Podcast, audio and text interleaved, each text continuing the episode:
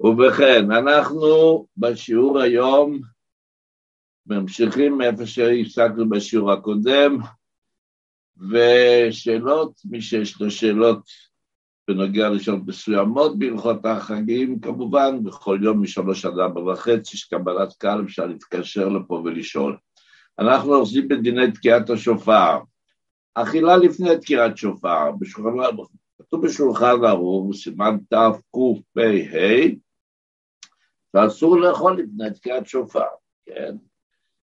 מי שנחוץ מאוד לאכול, לא יכול להסתפק בשתייה מתוקה ומזינה וכל זה, הוא חייב, חייב לאכול, אז ישתדל שזה לא יהיה מיני מזונות, אלא פירות וכיוצא בזה מהדברים שברכתם האחרונה בורא נפשות. לשתות, כפי שאמרנו, מותר מן הדין. יש מי שמחמירים אפילו בשתייה, אבל זה לא מן הדין, חשוב לדעת, זה לא הלכה, זה חומרה יתרה, כמו שאומרים, הגות של אה, יתרה, בסדר, לבריאות, אבל לא חייבים, אפשר לשתות, בפרט מי שיודע ומכיר את עצמו, שעקב כך שהוא לא שתה להם לפני התפילה, והתפילה בראש שנה נמשכת, וכל התפילה מרגיש שה... גוף דורש את שלו, והוא לא, הוא מוטרד, הוא לא מתפלל ביישוב הדעת, כי הבטן מקרקרת, כן? יצא שכרו בהפסדו. אין שום עניין על פי ההלכה, ואתה רוצה לעשות עניינים של תוספת קדושה וטהרה ביום הזה, מה יכול להיות יותר ראוי ליום כזה שהוא נורא כזה, להתפלל כראוי, כי חשוב לציין דווקא וזה באמת חשוב לציין.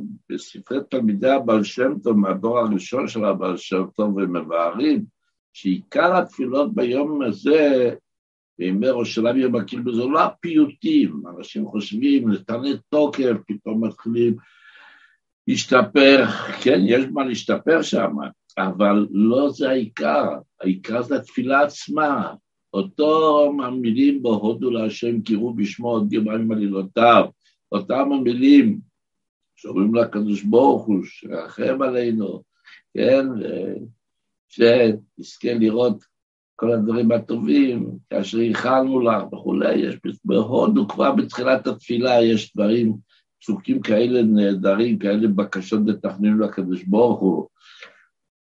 ופשוט התפילה עצמה, כן, השחריס והמוסר והתפילות עצמם, זה העיקר. ועוד כאלה חשוב לדעת שכתוב באותם ספרי תלמידי הבעל שם טוב, שהטוב הגשמי והרוחני שיושפע על כל המשפחה, תלוי בתפילתם של ראשי המשפחה. אז מקשיבי השיעור בדרך כלל, או הורים, סבות וסבתות וכיוצא בזה, חשוב מאוד לדעת שהתפילה שלנו מאוד חשובה לכל המשפחה. ובכן, ולכן אני אומר, מי שיכול לא לשתות לפני התפילה ולא להרגיש שום שינוי, זה בסדר, מרגיש מצוין, מתפלל וזה, שום דבר לא לוחץ אותו ולא מעצבן אותו, בבקשה. אבל כיוון שזה לא חובה, אז בבקשה, לשתות כמו שצריך כדי שיתפלל כמו שצריך. ובכן בתקיעות, אפשר לדעת שאם תוקע, אדם שתוקע, הוא יצא ידי חובת תקיעת שופר, והוא לא יוצא לחובה בתקיעה, לא תוקע בשביל האחרים, אז לא הוא יברך, שהשומע יברך. אם כן, מוצאים שומע כזה שלא מסוגל להגיד ברכה. אבל בדרך כלל, אם גם התוקע עצמו יוצא לחובה בתיות, כפי שזה בבית הכנסת בדרך כלל, אז כמובן הוא מברך ומתכוון להוציא את כולם ידי חובה, וכולם מתכוונים לצאת ידי חובה, וחשוב מאוד להכריז את זה. לא כל אחד שמגיע מבית הכנסת יודע, צריך לעשות הכרזה לפני התפילה. מוריי ורבותיי, עכשיו הולכים לתקוע בשופר, המברך התכוון הן בתקיעות והן בברכות של, של, של התקיעות, להוציא את כל אחד מכם ידי חובה, ואתם מתכוונים כולכם לצאת ידי חובה, בברכות ובתקיעות, כן? בפרט מי שמוציא ידי חובה נשים, יש להם שתקים בשביל נשים בלבד, אחרי התפילה, לפני התפילה, בבית, להוציא ידי חובת הנשים, שם ממש חובה שדווקא האישה שיוצאת חובה תברך ולא הבעל או הגבר שמוציא אותה בידי חובה, כיוון שאנשים בעיקר פטורות מתקיעת שופר, והתקיעת שופר שלהם זה לא אה, מן הדין, זה עניין של הידור וכולי. אבל נמשיך בהלכות תקיעת שופר. בסידור של האדמו"ר הזקן, לפני תקיעת שופר יש כותרת, ויכין עצמו לתקוע שופר. נשאלת השאלה, מה זה יכין עצמו? מה הוא צריך לעשות? למה הוא לא... לא כתוב מה לעשות, יכין את עצמו. אז הרב מבאר שבכוונה בהכנה הזאת לא כתוב מה לעשות, כיוון שההכנה הזאת היא קבלת עול מלכות שמיים הכללית על כל השנה כולה, על כל החיים. כלומר, עבודת היום היא לא רק, אני מצטט כמעט את לשונו, היא לא רק קבלת החלטת טובות לשפר את עצמו בעניינים פרטיים בתורה, עבודה, גמילות חסדים. התמסרות כללית להשם עומק הנפש. לכן לא יחיד כשבא ואין מהווה, אין פירוט, אתה לוקח את עצם הנפש שלך ואתה מתמסר לקדוש ברוך הוא, זה לא בא מעצמו.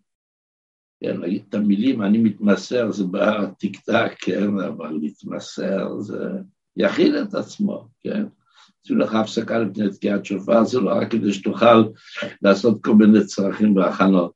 תאכיל את עצמך, תתבונן ותחשוב, הולכת להכריע שנה חדשה, מה שהיה היה, מכאן ואילך אני מתמסר לקדוש ברוך הוא לרצונו. אם הקדוש ברוך הוא רוצה שאני אעשה כך או שלא יעשה כך וכך, אני מתמסר. זהו, ולכן זה לא נכנס, איך אמר הרבה?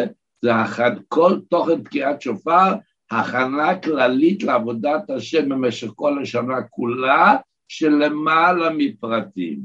זה לא, זה שייך לפרטים, זה למעלה מפרטים.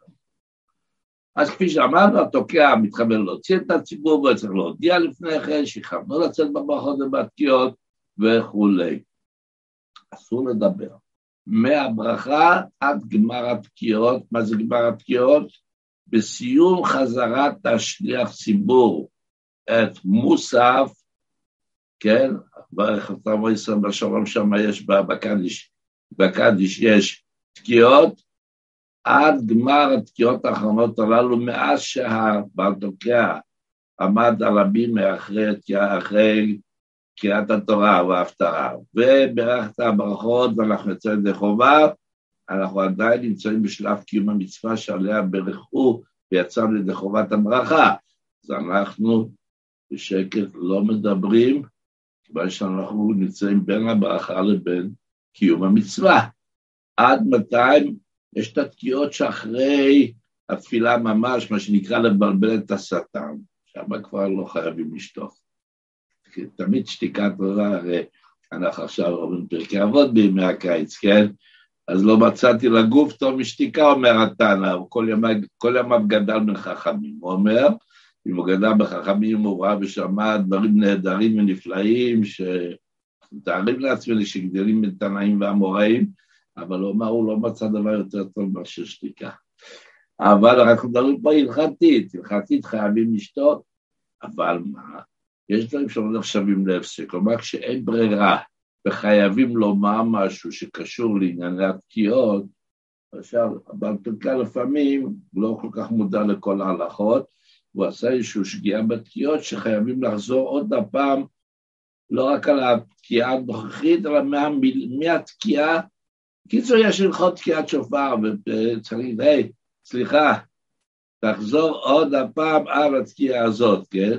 אנחנו מדברים, אבל זה דיבורים בנוגע לענייני תקיעת שופר, וזה בסדר. ועל דרך זה. אוקיי, אז... Uh, עכשיו, התקיעות, בעצם התקיעות של, שאחרי קריאת התורה לפני מוסף נקראים תקיעות מיושב. כלומר, מן הדין מותר לשבת. הוא בא בשולחן אור ונושא כלי השולחן ערוך, שלמעשה נהגו כולם לעמוד. ולעמוד פירושו לעמוד, לא להישען על שום דבר, אבל מי שמרגיש חולשה, וצריך לדעת שבתקיעות הללו אין חובה לעמוד. זה הידור, זה דבר חשוב, כל עם ישראל נוהג ככה, כל עם ישראל. ובין יוצאי ספרד, בפרט ביוצאי תימן, ממש יושבים בתקיעות הללו, אבל בשכונה ערוך כתוב שהנוהג בפועל גם לעמוד בתקיעות הללו. אבל שוב, כיוון שזו לא חובה כל כך חשובה, אז מי שיש לו קשיים בעמידה יכול לשבת. השופט צריך להיות בצד הימני של הבעל תוקע, כן, כתוב שהשטן עומד על ימינו לסוטנו, כך יש פסוק, ובמילא אנחנו שם בצד ימין מסלקים אותו ומבלבלים אותו. פי השופר שיהיה כלפי מעלה, לא להחזיק את השופר ככה, אני הייתי בבית הכנסת מאוד חשוב, ובעל תוקע עוד יותר חשוב, וראיתי שהוא תוקע נהדר, ממש יפה, אבל הפה של השופר נמצא ככה בצד, מי שופר כזה? מעוגל בצורה כזאת, אז הערתי לו שכתוב בשולחן ערוך שצריך שפי השופר יהיה כלפי מעלה, שנאמר, עלה השם בתרועה. עכשיו, בנוגע לתקיעת שופר לנשים, כפי שכתוב, ואני אצטט את לשון ערוך אדמו"ר הזקן, כמעט תקפ"ט סעיף ב', אף על פי שאנשים פטורות, מצווה הזמן גרמה נשים פטורות, כן? שופר, סוכה, אולי מצוות של זמן גרמה של נשים פטורות, מכל מקום אם רצו לתקוע, הרשות בידם. למרות שהתקיעה ביונתם בחינם אסורה, אסור, אתה בשבת או בחג אחר תיקח שופר לתקוע בו, אתה מחר חילול, חילול החג. אבל מכל מקום כדי לעשות נחת רוח לנשים, התירו את האיסור הזה, כיוון שזה איסור דרבנן, אז הרבנן התירו את זה, כיוון שזה לעשות נחת רוח לנשים. אז היום זה, בדור שלנו זה מאוד uh, עובר לסוחר, לעשות זכויות האישה, אבל כמה חשוב לשים לב אליה, ולא לשים אותה בסקנד חס ושלום, כפי שיש מהטיפשי אומות העולם שחושבים. בתורתנו הקדושה הם מספר אחת, ולכן כדי לעשות להם נחת רוח, התירו דבר שהוא אסור מן הדין, לתקוע בשופר במיוחד בשביל אישה, כן? לא רק אישה יכולה לתקוע, רק גבר מותר לו לתקוע כדי להוציא, להוציא אישה ידי חובה, כן? אבל כפי שאמרנו, כיוון שבלעדים הן פטורות, אז שהגבר לא יברך עבורן, שהאישה תברך והגבר יתקע בשופר. ולכן מאותו הטעם, כיוון שבלעדים הן פטורות, אומר, כתוב בשולחן ערוך, בסימן תקצ"ב סעיף ח', אין להביא קטנים שלא הגיעו לחינוך לבית הכנסת, בית התקיעות, שלא יבלבלו את דעת השומעים. ילדים תינוקות קטנים ומתחילים לצרוע ולבכות ולא שומעים, והלחץ והמתח והכעס וכל זה חס ושלום. אבל הנשים ייקחו אותם אצלם. לא שאישה מוסרת את התינוק לגבע, אתה רואה בתקיעת שופר, מסתובבים גברים תינוקות על הידיים, מה קרה? אשתי בעזרת השם צריכה לשמוע שלך. זה לא כתוב בדיוק להפך. כן. אין להביא קטנים שלא הגיעו לחינוך לבית כנסת, בתתקיעות, שלא יבלבלו את דעת השומעים, אבל אם בכל זאת אין לנו בייביסיטרים שישאר איתם, אז אנשים ייקחו אותם אצלם שהם פטורים כמו שנתבהר. הקטנים שהגיעו לחינוך אבל, חייב האב לחנך אותם לשמוע את התקיעות כראוי. לא שיסתובב בבית הכנסת ותן לי לשמוע, אל תבלבל אותי, אתה תראה ילד כבר בשבע, שמונה, תשע, ילד שכבר הגיע לחינוך. ושהוא יסתובב בבית הכנסת עם חברים, או יקרא שתי תלמיד, להתכסות בטלית ולהמריא לעולמות העליונים, לעשות את כל הדברים שבאמת חשובים, בתקיעת שופר, יראו התשובה וכולי וכולי. לדעת אבל שיש חובה על האב במצוות חינוך. לכן יש חייל שהגיע לגיל חינוך, אתה צריך לשים לב שלא רק שיסתובב בבית הכנסת, שישמע את התקיעות מההתחלה והסוף ויצא ידי חובה. עוד בנוגע לפטירות, אדם שמתפלל ביחידות, וזה מאוד קשור גם בין אנשים כמובן, כיוון שאמר, נשים מאימהות לילדים, לאו דווקא שיכולות להגיע לבית הכנסת. לא יתפלל מוסף עד אחרי שעברו שלוש שעות על היום. כלומר, עד סוף זמן קריאת שמע לא להתפלל מוסף. אנחנו מתפללים מוקדם, לפני שהילדים מתחילים פה להתעורר ולעשות לנו ולהפריע לנו, צריכים להתפלל. תתפללי בשקט והכל בסדר, עד מוסף. עם המוסף והתקיעות, נא לחכות עד אחרי, בלוח מתי סוף זמן קריאת שמע, אחרי סוף זמן קריאת שמע, רק אז להתפלל את תפילת המוסף, ורק אז תקיעת שופר, כיוון שיש הסבר שלם שקדוש ברוך הוא בשעות האלה עוסק בתורה, והתורה היא תורת אמת, ואין לפנים משורת הדין, והתפילה יכולה להידחות, לא נאריך יותר מדי, זהו. כמובן שכאשר מדובר במצב שאו שאני שומע תקיעת שופר או תוקע בשופר לפני הזמן הזה, עוד בבוקר מוקדם לפני סוף זמן קריאת שמע, או שחס וחלילה ילך לאיבוד, וזה שם מאוד מצוי במבצועים. הבחורים והאברכים שלנו קמים בבוקר השכם, ומסתובבים ברחבי העיר ומנסים לזכות יהודים שבעוונותינו הרבים, אם אנחנו לא נתקע עליהם בשופר, הם יעבור עליהם היום הזה בלי תקיעת שופר. אבל עדיין לפני הזמן של, של סוף זמן שמע, כתוב בשולחן ערוך שלא לתקוע לכתחילה לפני הזמן. לא, זה זהירות חשובה, כן, אבל אם בזה תלוי לשבוע או לא לשבוע תקיעה, בוודאי, בוודאי שמותר.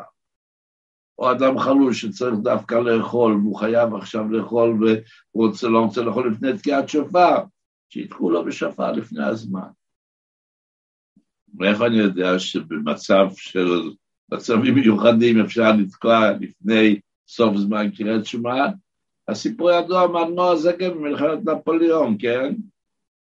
מכירים את זה? אני אגיד בקצרה, הסיפור הוא שכשהייתה מלחמה של נפוליאון, הצרפתים עם הרוסים, היו מצדיקי הדור, המגיד מקוז'ניץ, ועוד מגדולי צדיקי הדור שסברו שחשוב שהצרפתים ינצחו, ושהרוסים הם דיכאו את עם ישראל בצורה קשה מאוד, את העניות גדולה וכולי, מה שכן העם החופשי הצרפתי, זה זכויות ליהודים.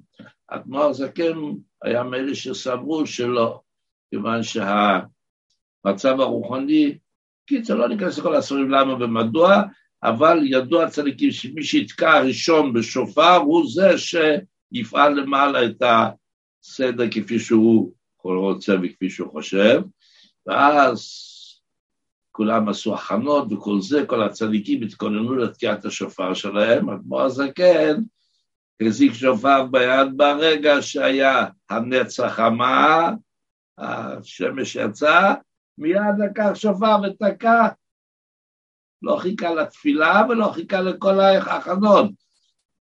ואז אמרו הצדיקים שהיו בעל רוח הקודש, הליטווק, האדמו"ר הזקן שהמיליטה מרוסיה, הוא ניצח אותנו. אז מתי הוא תקע? הוא תקע על הבוקר, מה? הרבה לפני שעברו שלוש שעות על היום, לפני שהגיע הזמן קריאת שמע. זה נצא למדים שיש סיבה חשובה, מותר וצריך, ולכן כל מי שאתם במקצועים, אל תעשו חשבונות. ברגע שאתם יכולים לצאת ולתקוע בשפר לזכות יהודים, רוצו, חושו ועשו. בתקיעת בתיות של מוסף, זה תקיעות במאומת חייבים לעמוד, ועד כדי כך שכתוב שאסור גם להישען באופן שאם מה שאתה נשען עליו, מישהו יוציא אותו מתחתיך, אתה עשוי ליפול, זה לא נקרא עמידה, זה כבר נקרא כאילו ישיבה. השמיכה היא לא כעמידה. ואת התקיעות הללו של מוסף לא תוקעים כשמתפללים ביחידות, גם אם האדם יודע לתקוע, מסיבה כלשהי אדם נאלץ להתפלל בבית. ויש לו שופר, והוא יודע לתקוע בעצמו. יפה, תברר ותתקע את התקיעות שלי אחרי, אחרי בין שחס למוסף, מגיע למוסף, מלכי, זיכרונס ושופרס, לא לתקוע, למרות שאתה יודע. זה תקיעות שלא תוקעים אותן ביחיד, גם כשהוא יודע לתקוע, או שיש לו מישהו שם שיודע לתקוע שמוכן לתקוע לו. לא. אחרי שנגמרו כל התקיעות שמחויבות מלדים, וגם אלה שעל פי הקבלה, שתוקעים לבלבל את השטן, כפי שאמרנו מקודם, אחרי התפילה, אסור לתקוע בחינם. בלשון השולחן ערוך, שהרי התקיעה אסורה ביונטב מדברי סופרים, מדרבנן, התקיעה אסורה ביונטב, ולא התירו אלא לצורך כגון לעשות נחת רוח לנשים לתקוע להם. אבל כתוב, אם ככה אנחנו נתחיל לצעוק על הילדים הקטנים שלנו שמתהלכים לשופר והם חצרצים כל היום, התשובה היא לא. כתוב מפורש שילד קטן שתוקע, בזה הוא מתלמד איך לתקוע, ויגיע היום שהוא יוכל באמת לתקוע ולעשות, קטן שתוקע להתלמד מותר. עכשיו, אני פה מדלג כרגע על מה שדיברתי כבר כמה פעמים בנוגע למבצועים שרוצים לזכות הרבה אנשים בתקיעות ואין אפשרות לתקוע את כל, הש... את כל 30 הקולות כיוון שלא נספיק, אז איך צריך לעשות את זה? אז דיברנו בשנים קודמות, ומי שיש לו שאלה למעשה ולא יודע, ואין לו את מי לשאול, יכול גם לשאול אותנו בשעות שאנחנו עונים לשאלות. נמשיך בלשון שולחן ערוך אדמו"ר הזקן, משימים את הקצ"ז. מצווה לאכול ולשתות ולשמוח בראש השנה. יש אנשים שכל ראש השנה מתהלכים ככה, אתה אומר לה משהו, נכון, כתוב לא לדבר דברים בטלים בראש השנה, אבל לא להתהלך עם פנים חמוצות ותקועות. יש תקיעת שופר. כך כתוב עוד הפעם, אני מצטט את שולחן מצווה לאכול ולשתות ולשמוח בראש השנה. אמנם לא יאכלו כל שובעם, למען לא יקילו ראש ותהיה יראת השם.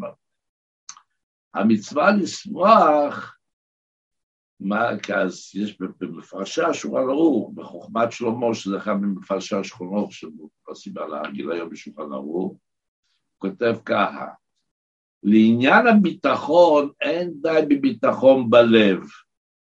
אני שמח בלב, מה, אני צריך לראות עליי שאני שמח?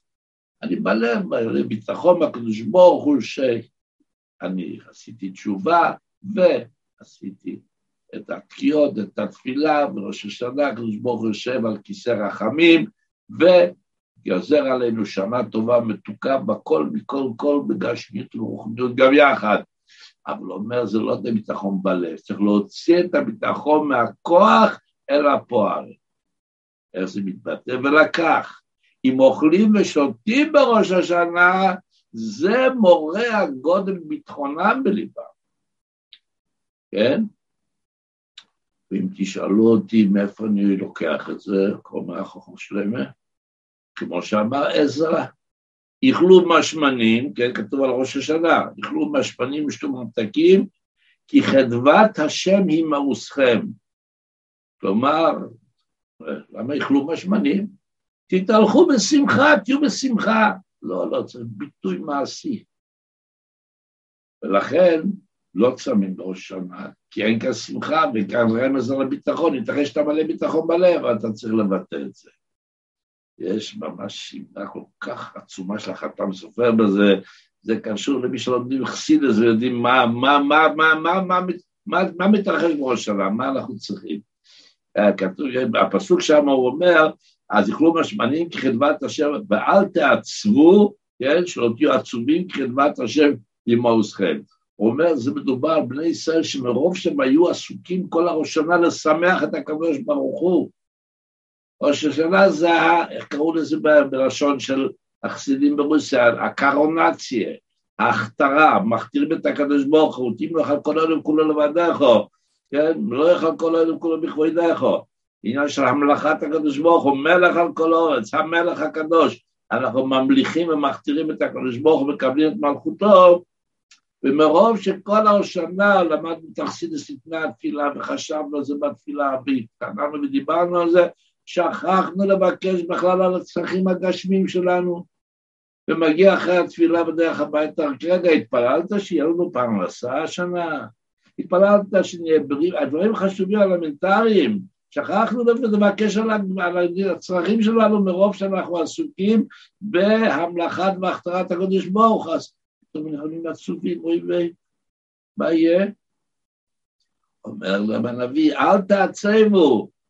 למה? כי חדוות השם, זה שאתם הייתם עסוקים בלשמח, ולגרום חדווה לקדוש ברוך הוא בתפילה שלכם על ידי הכתרתו, חדוות השם היא מאוסכם, חדוות השם, זה שגרמתם והייתם עסוקים בחדוות השם, זה העוז והתוקף שלכם לקבל כל טוב בגשמות וברחמים. סופר, אז הוא ידוע שיש כל כך הרבה דברים שממש מושרשים בחסידות. ובכן, אנחנו מתקדמים הלאה מהשיעור ביום השני של ראש השונה, דיברנו כבר בשיעור הקודם בנוגע לשחיון ובהדלקת הנרות ובקידוש, איך להתנהג עם הפרי החדש וכולי. אנחנו רוצים להגיד עוד כמה דברים בנוגע ליום השני של ראש השנה. ראשית כל, אסור להכין מיום טוב ראשון ליום טוב שני. כן? בלילה, אנחנו ביום הראשון של השנה, היום בלילה יש יום שני, צריך להתחיל להכין לבישולים, עניינים ודברים, אסור להכין מיום טוב ראשון ליום טוב שני, צריך להמתין עד אחרי את הכוכבים, ורק אז להכין את כל מה שנדרש לסעודת הלילה ולהדלקת הנרות, כן? או להכין את הנרות, את הפמותות, את הכל, שום דבר, לא מכינים מיום טוב ראשון של ראש השנה ליום טוב השני. ובכל יום טוב בחוץ לארץ, פה בארץ, בארץ ישראל יש רק ראש שנה יומיים, כן? האם מותר להוציא את העוף מהמקפיא כדי שבלילה יהיה לנו עוף מופשר שנוכל לבשל אותנו? יש מחלוקת בין גדולי הפוסקים, ואלה שמתירים בשעת הדחק שאין ברירה אחרת, הכי טוב לבשל מבעוד מהחג כמות ליומיים, ולהפך להכניס למקרר חלק לכולם. אבל אם חייבים את זה, אז להוציא את העוף הזה בעוד היום גדול, כך שתאורטית ניתן היה לבשלו לצורך היום הראשון. למעשה אנחנו נבשל אותו רק בלילה. אז לבשל ביום לצורך הלילה אסור, להוציא מהמקרר, אפשר לסמוך בשעת הצורך על הפוסקים שמטרים להוציא אותו מהמקפיא, אבל בעוד היום גדול שכבר יופשר מבעוד יום באופן שניתן יהיה כבר גם לבשל אותו ולאכול אותו לצורך היום, למרות שלא זה מה שנעשה, אנחנו נבשל אותו רק בלילה. שיערי החלף שבפמות, כן? עכשיו נדבר בכלל ביום טף, כן? כל, כל פעם, סתם במהלך השנה, אז בערב החג, בערב שבת, אז אנחנו מכינים את הכל, אנחנו מגרדים החוצה את שירי החלף שנשארו בפמות, וכל מיני הכנות כאלו. אבל ביום טב יש בעיה. את שערי החלף שבפמות אסור להסיר ביום טב.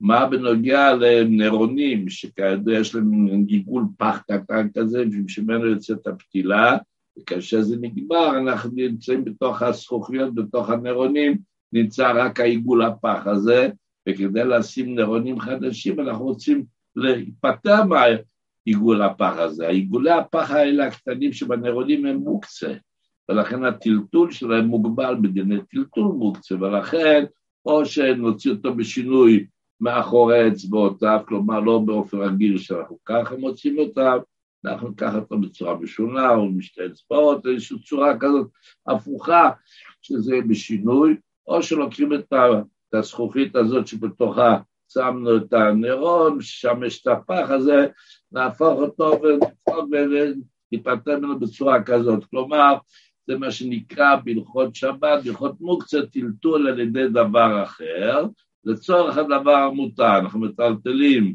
את, את, את, הפח, את העיגול הפח הזה באמצעות הזכוכית, לצורך מה? לצורך הזכוכית. ולכן זה נקרא, זה עוד איך להיפטר מזה.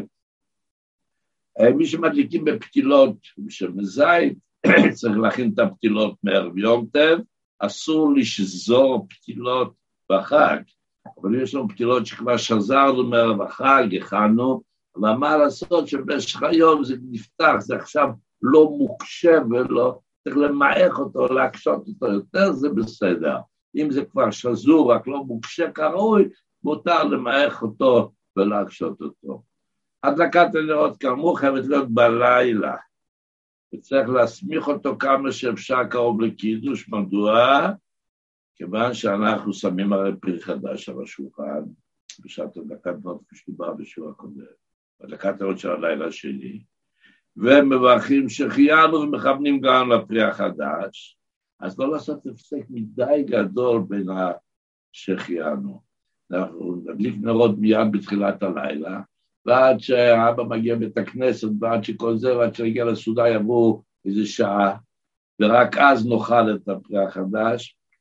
לא, כדאי שכמה שפחות תפסק, שהכל יהיה מוכן, וכאשר מגיעים בית הכנסת, אז להדליק את הנרות, לעשות קידוש, ואז לאכול את הפרי החדש, כפי שדובר בשיעור הקודם.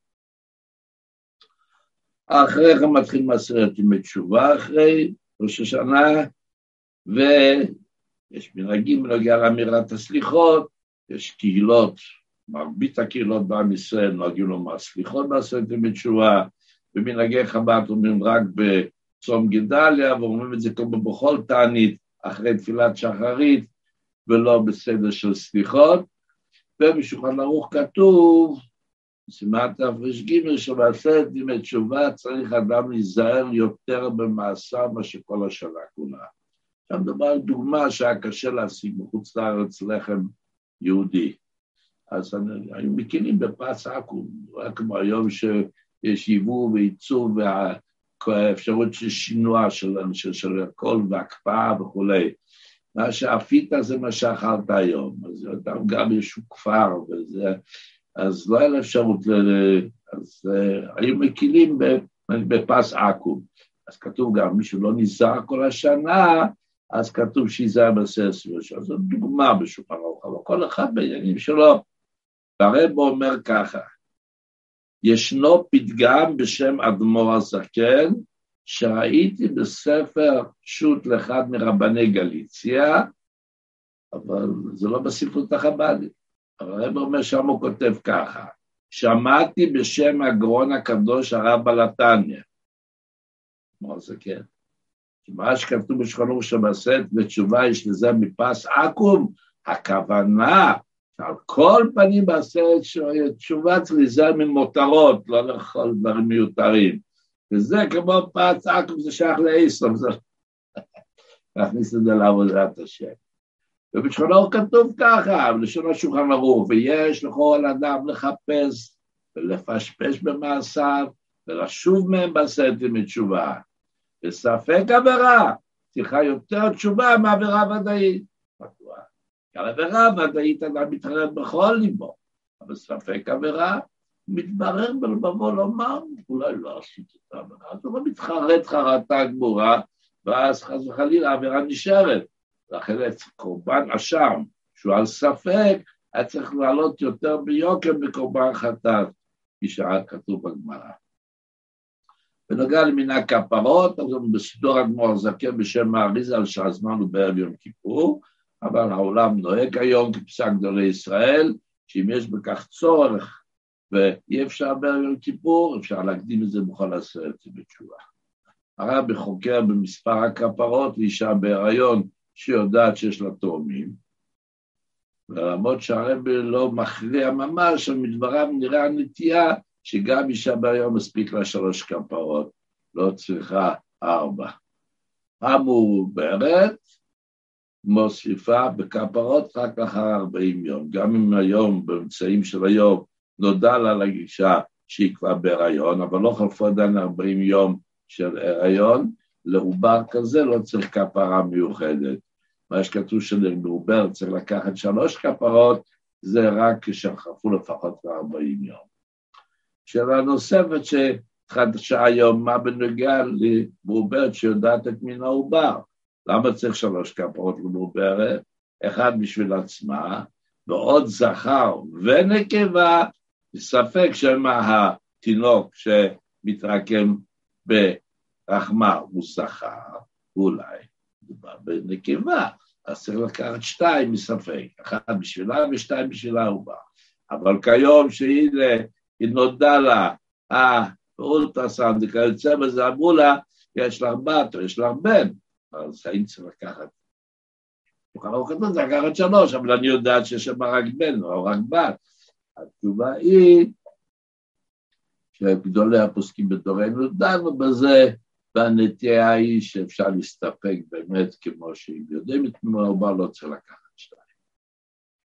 נו, מה עושים עם הכפרות? אז בשכונו כתוב שנהגו לתת את הכפרות לעניים, אבל יותר טוב לפדות את הכפרה בכסף ולחלק את הכסף לעניים, כי העניים יכולים להתבייש במחשבה, אחרי ששמת את כל העבירות שלך על התרנגולת הזאת, אתה נותן לי לאכול אותה עם זה. זה מין הרגשה שלא לא, לא אמיתית, אבל זה, זה מה שקורה בהרגשה. ולכן כדי לא לגרום להרגשה לא נוחה לעני, אל תיתן לו את הכפרה עצמה, תן לו כסף, תבנה את הכפרה כמה שעלתה לך ותיתן אותה. ואם יש לך לא רק כפרה אחת שברוך השם יש לך בית עם עשרה ילדים, ועשית שתים עשרה כפרות, אחד, אחד, אחד, ועוד עשרה ילדים, אז, אז פדיון הכפרות, כך כתוב בשלוח, ראוי לתת כפי ערך הכפרות שיש לו בביתו. יש לך עשר, תתן עשר. ובכן, עד כאן זה הלכות ראש השנה, ונראה עכשיו מה אנחנו יכולים להספיק בהלכות יום הכיפורים. אז ככה, צריך לדעת ראשית כל שכתוב וניתן את נפשותיכם בתשעה בחודש, בחז"ל שואלים הרי לא מתענים בתשעה בחודש, יום כיפור זה בעשירי בתשרי, אבל ההסבר הוא שהכוונה היא לאכול ולשתות כמו שצריך ביום, ביום הכיפורים, כדי שיהיה לנו כוח לצום. למה התורה מתבטאת ועיניתם את נפשותיך, ואתה צריך לכתוב, ואכלתם ושבעתם בתשעה בחודש, מסבר בראשונים ובשכול החברה הזקן, שכיוון ששכר שנותנים לה מלמעלה, הקדוש ברוך הוא, למצווה שקשורה בקשיים, כן, נכון, כתוב ששכר על המצוות זה לפי, לפי ערך המאמצים שהם צריכים להשקיע בזה, כן? זה לא דומה לאדם שהוא מתענה מחמת מצוות הקדוש ברוך הוא למי שאוכל ושוטח מצוות הקדוש ברוך הוא. לפום צערה אגרא, לפי גודל הצער והקושי שבמצווה, כך גודל השכר. ולכן אומרים לנו, אתה יודע, שאתה אוכל ושותה בתשיעי בערב יום כיפור, זה לא סתם מצווה, כאילו מצוות אכילה, זה מצווה שנחשב לך כאילו צמת ביום הזה, שהשכר הוא הרבה יותר גדול. למה הקדוש ברוך הוא כך מתאמץ? כי הוא רוצה באמת שנאכל.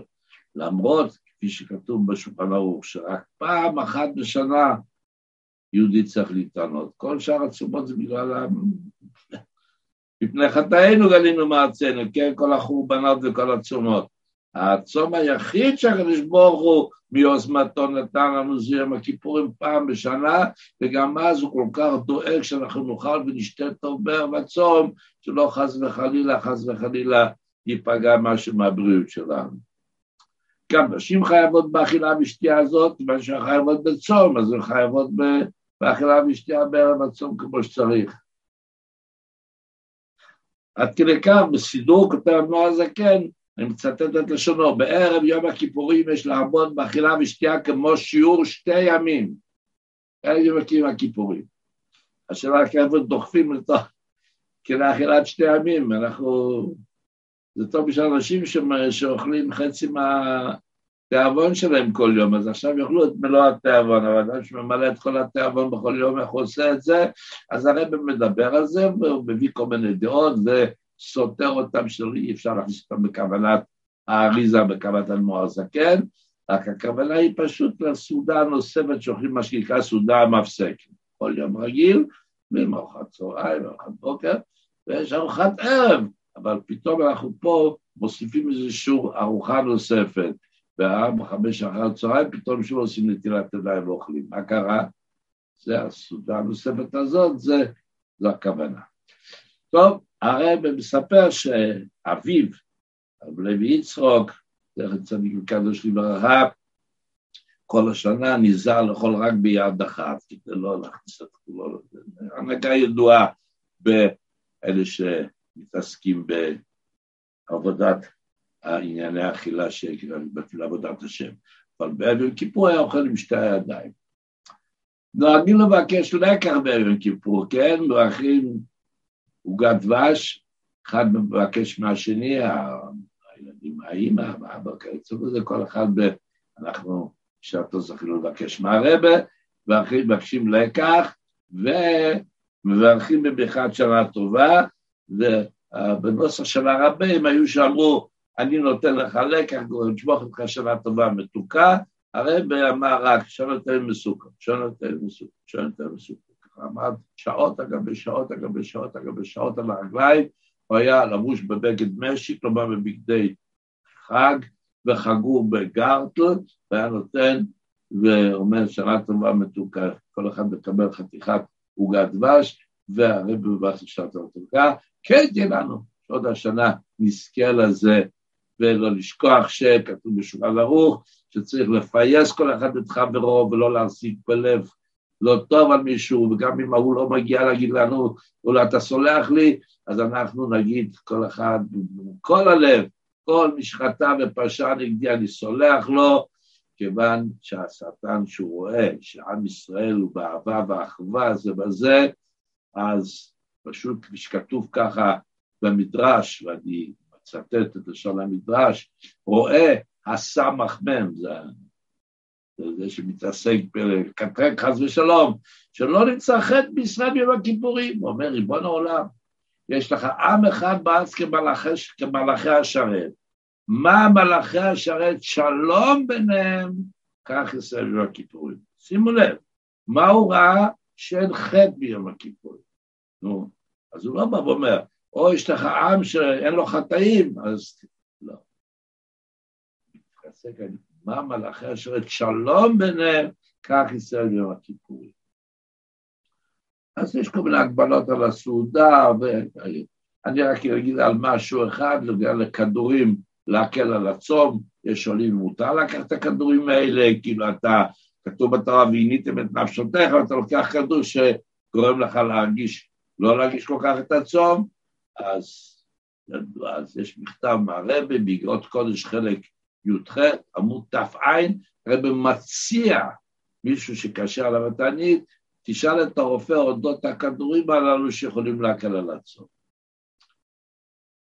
כן, בווידוי של הלחץ, צריך להגיד אותו לפני קודם חשיכה, כיוון שאז זה הזמן שצריך לעשות וידוי, לדעת את זה, יש וידויים שכתובים בסידור, יש וידוי נוסף ש... לפני תפילת נעילה, לפני תפילת כל נדרי, להגיד עוד הפעם את הווידאו, וככה אם את הרבי נכנס עם הקיטלר, קיפר, נעמד בפינה וראית את הווידאו. וכתוב ככה בשולחן ערוך, קודם התחלת זמן הכפרה, דהיינו עם חשיכה צריך להתוודות כדי שייכנס ליום בתשובה ולא יהיה זמן, לא יהיה שהות לחטוא בין הווידוי לתחילת זמן הכפרה. והוא מפרש, כשרואה בין השמשות ממשמש הוא בא, יעמוד ויתוודה. כן? וכתוב בספר השיחות של פירמיקי רבה, שאחרי הווידוי שעל חטא שקודם החשיכה, היה כבוד קדושת אדוני, אבי מורי ורבי הרב הרש"ב, שפות עדן, בתנועה של טוב לבב, כן?